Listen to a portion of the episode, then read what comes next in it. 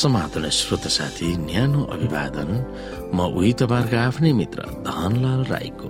श्रोता आज म तपाईँको बीचमा बाइबल सन्देश लिएर आएको छु।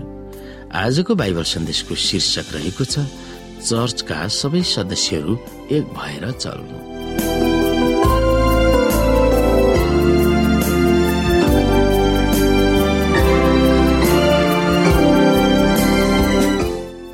साथी यदि युद्ध भूमिमा सैनिकहरू एक भएर युद्ध गरेन भने त्यहाँ सबै अन्यलमा पर्ने हुन्छ र कमजोर पनि हुन्छ।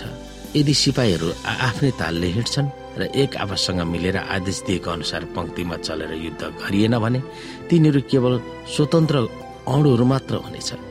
तिनीहरू सुसङ्गठित भएर चल्न सक्ने हुँदैन। त्यसकारण ख्रिसका योद्धाहरू चर्चमा सबैसँग तालमेल गरेर चल्नै पर्छ।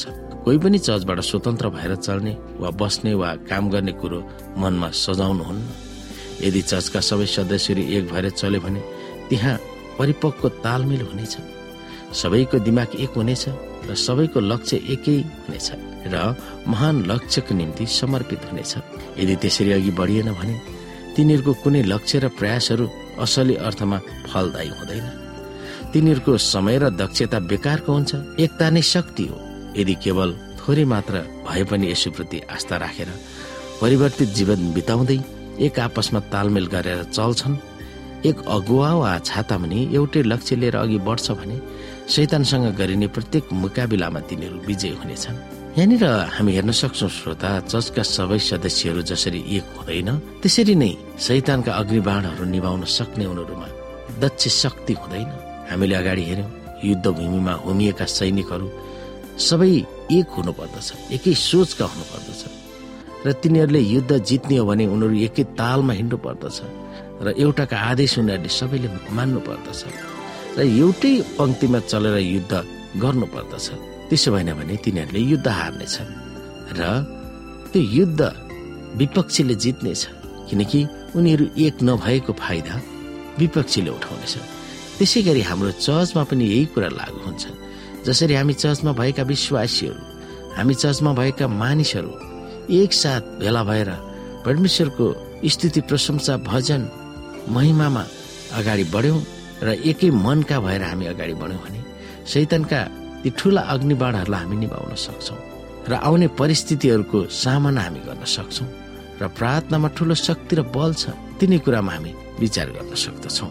आफू सिक्रीले बाँधिएको राजदूत भनेर पावलले आफूलाई गरेको सम्बोधनको के महत्व छ त्यो पनि हामी विचार गर्न सक्छौँ। युद्धको बेलामा राजदूतहरूको भूमिका उल्लेखनीय र चुनौतीपूर्ण हुन्छ। सैनिक शैलीमा पावलले आफूलाई गरेको चित्रण मिल्दछ। राजदूतहरूलाई सम्मानपूर्वक व्यवहार गरिन्छ किनभने तिनीहरू आफ्ना देशहरूको प्रतिनिधिहरू हुन्। जगतको सर्वोच्च शासकको राजदूत भएर उनलाई गरिएको व्यवहार अत्यन्तै अपमानजनक थियो। जुन देश वा तत्त्वहरूले उनलाई सिक्रीले बाँधे तिनीहरूले परमेश्वर प्रति नै अनादर भएको प्रमाणित गरेको थियो। तैपनि राजदूतहरू आफ्नो कार्यालयमा बाँधिरहनु पर्ने वा भइरहनु पर्ने भएकोले पावलले आफूलाई सिक्रीले बाँधिएको भन्दा आफूलाई व्यङ्ग्य हानेको पनि हुन सक्छ। उनको सिक्री भनेको उनको दर्जाको विशेष बिल्लाहरू हुन् भनेर पावलले महसुस गरेको हुनुपर्छ। हामी यहाँनिर केही चिन्तन मननहरू गर्न सक्छौँ। हामी जहाँ भए तापनि कुनै न कुनै किसिमको युद्ध भइरहेकै छ। तपाईँ र तपाईँको चर्चको निम्ति शान्तिको निम्ति प्रयास गर्नु भनेको के हुन सक्छ? अनेकौं हिंसा खराब तत्व र झैझगडाले अड्डा जमाइरहेकै संसारमा हामी शान्तिको निम्ति कस्तो माध्यम बन्न सक्छौँ?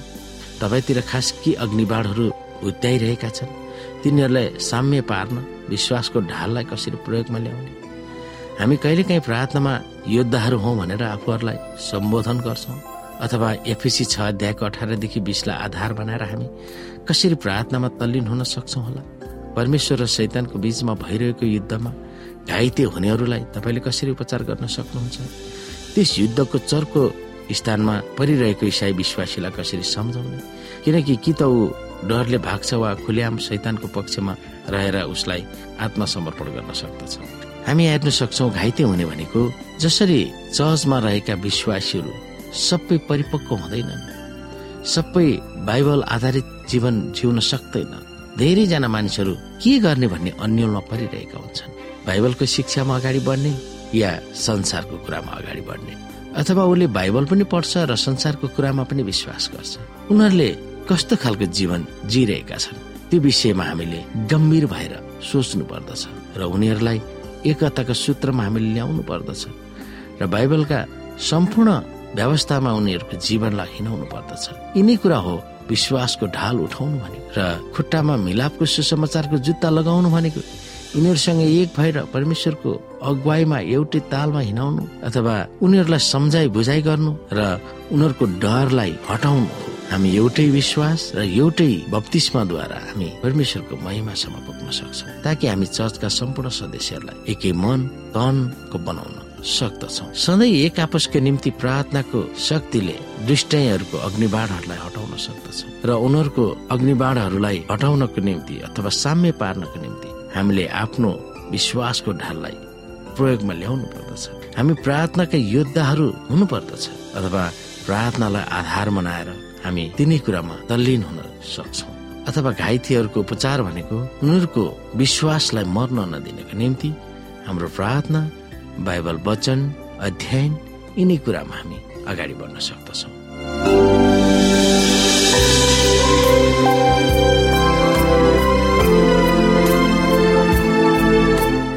श्रोता साथी आजको लागि बाइबल सन्देश यति नै। हस्त नमस्ते जय मसिंह।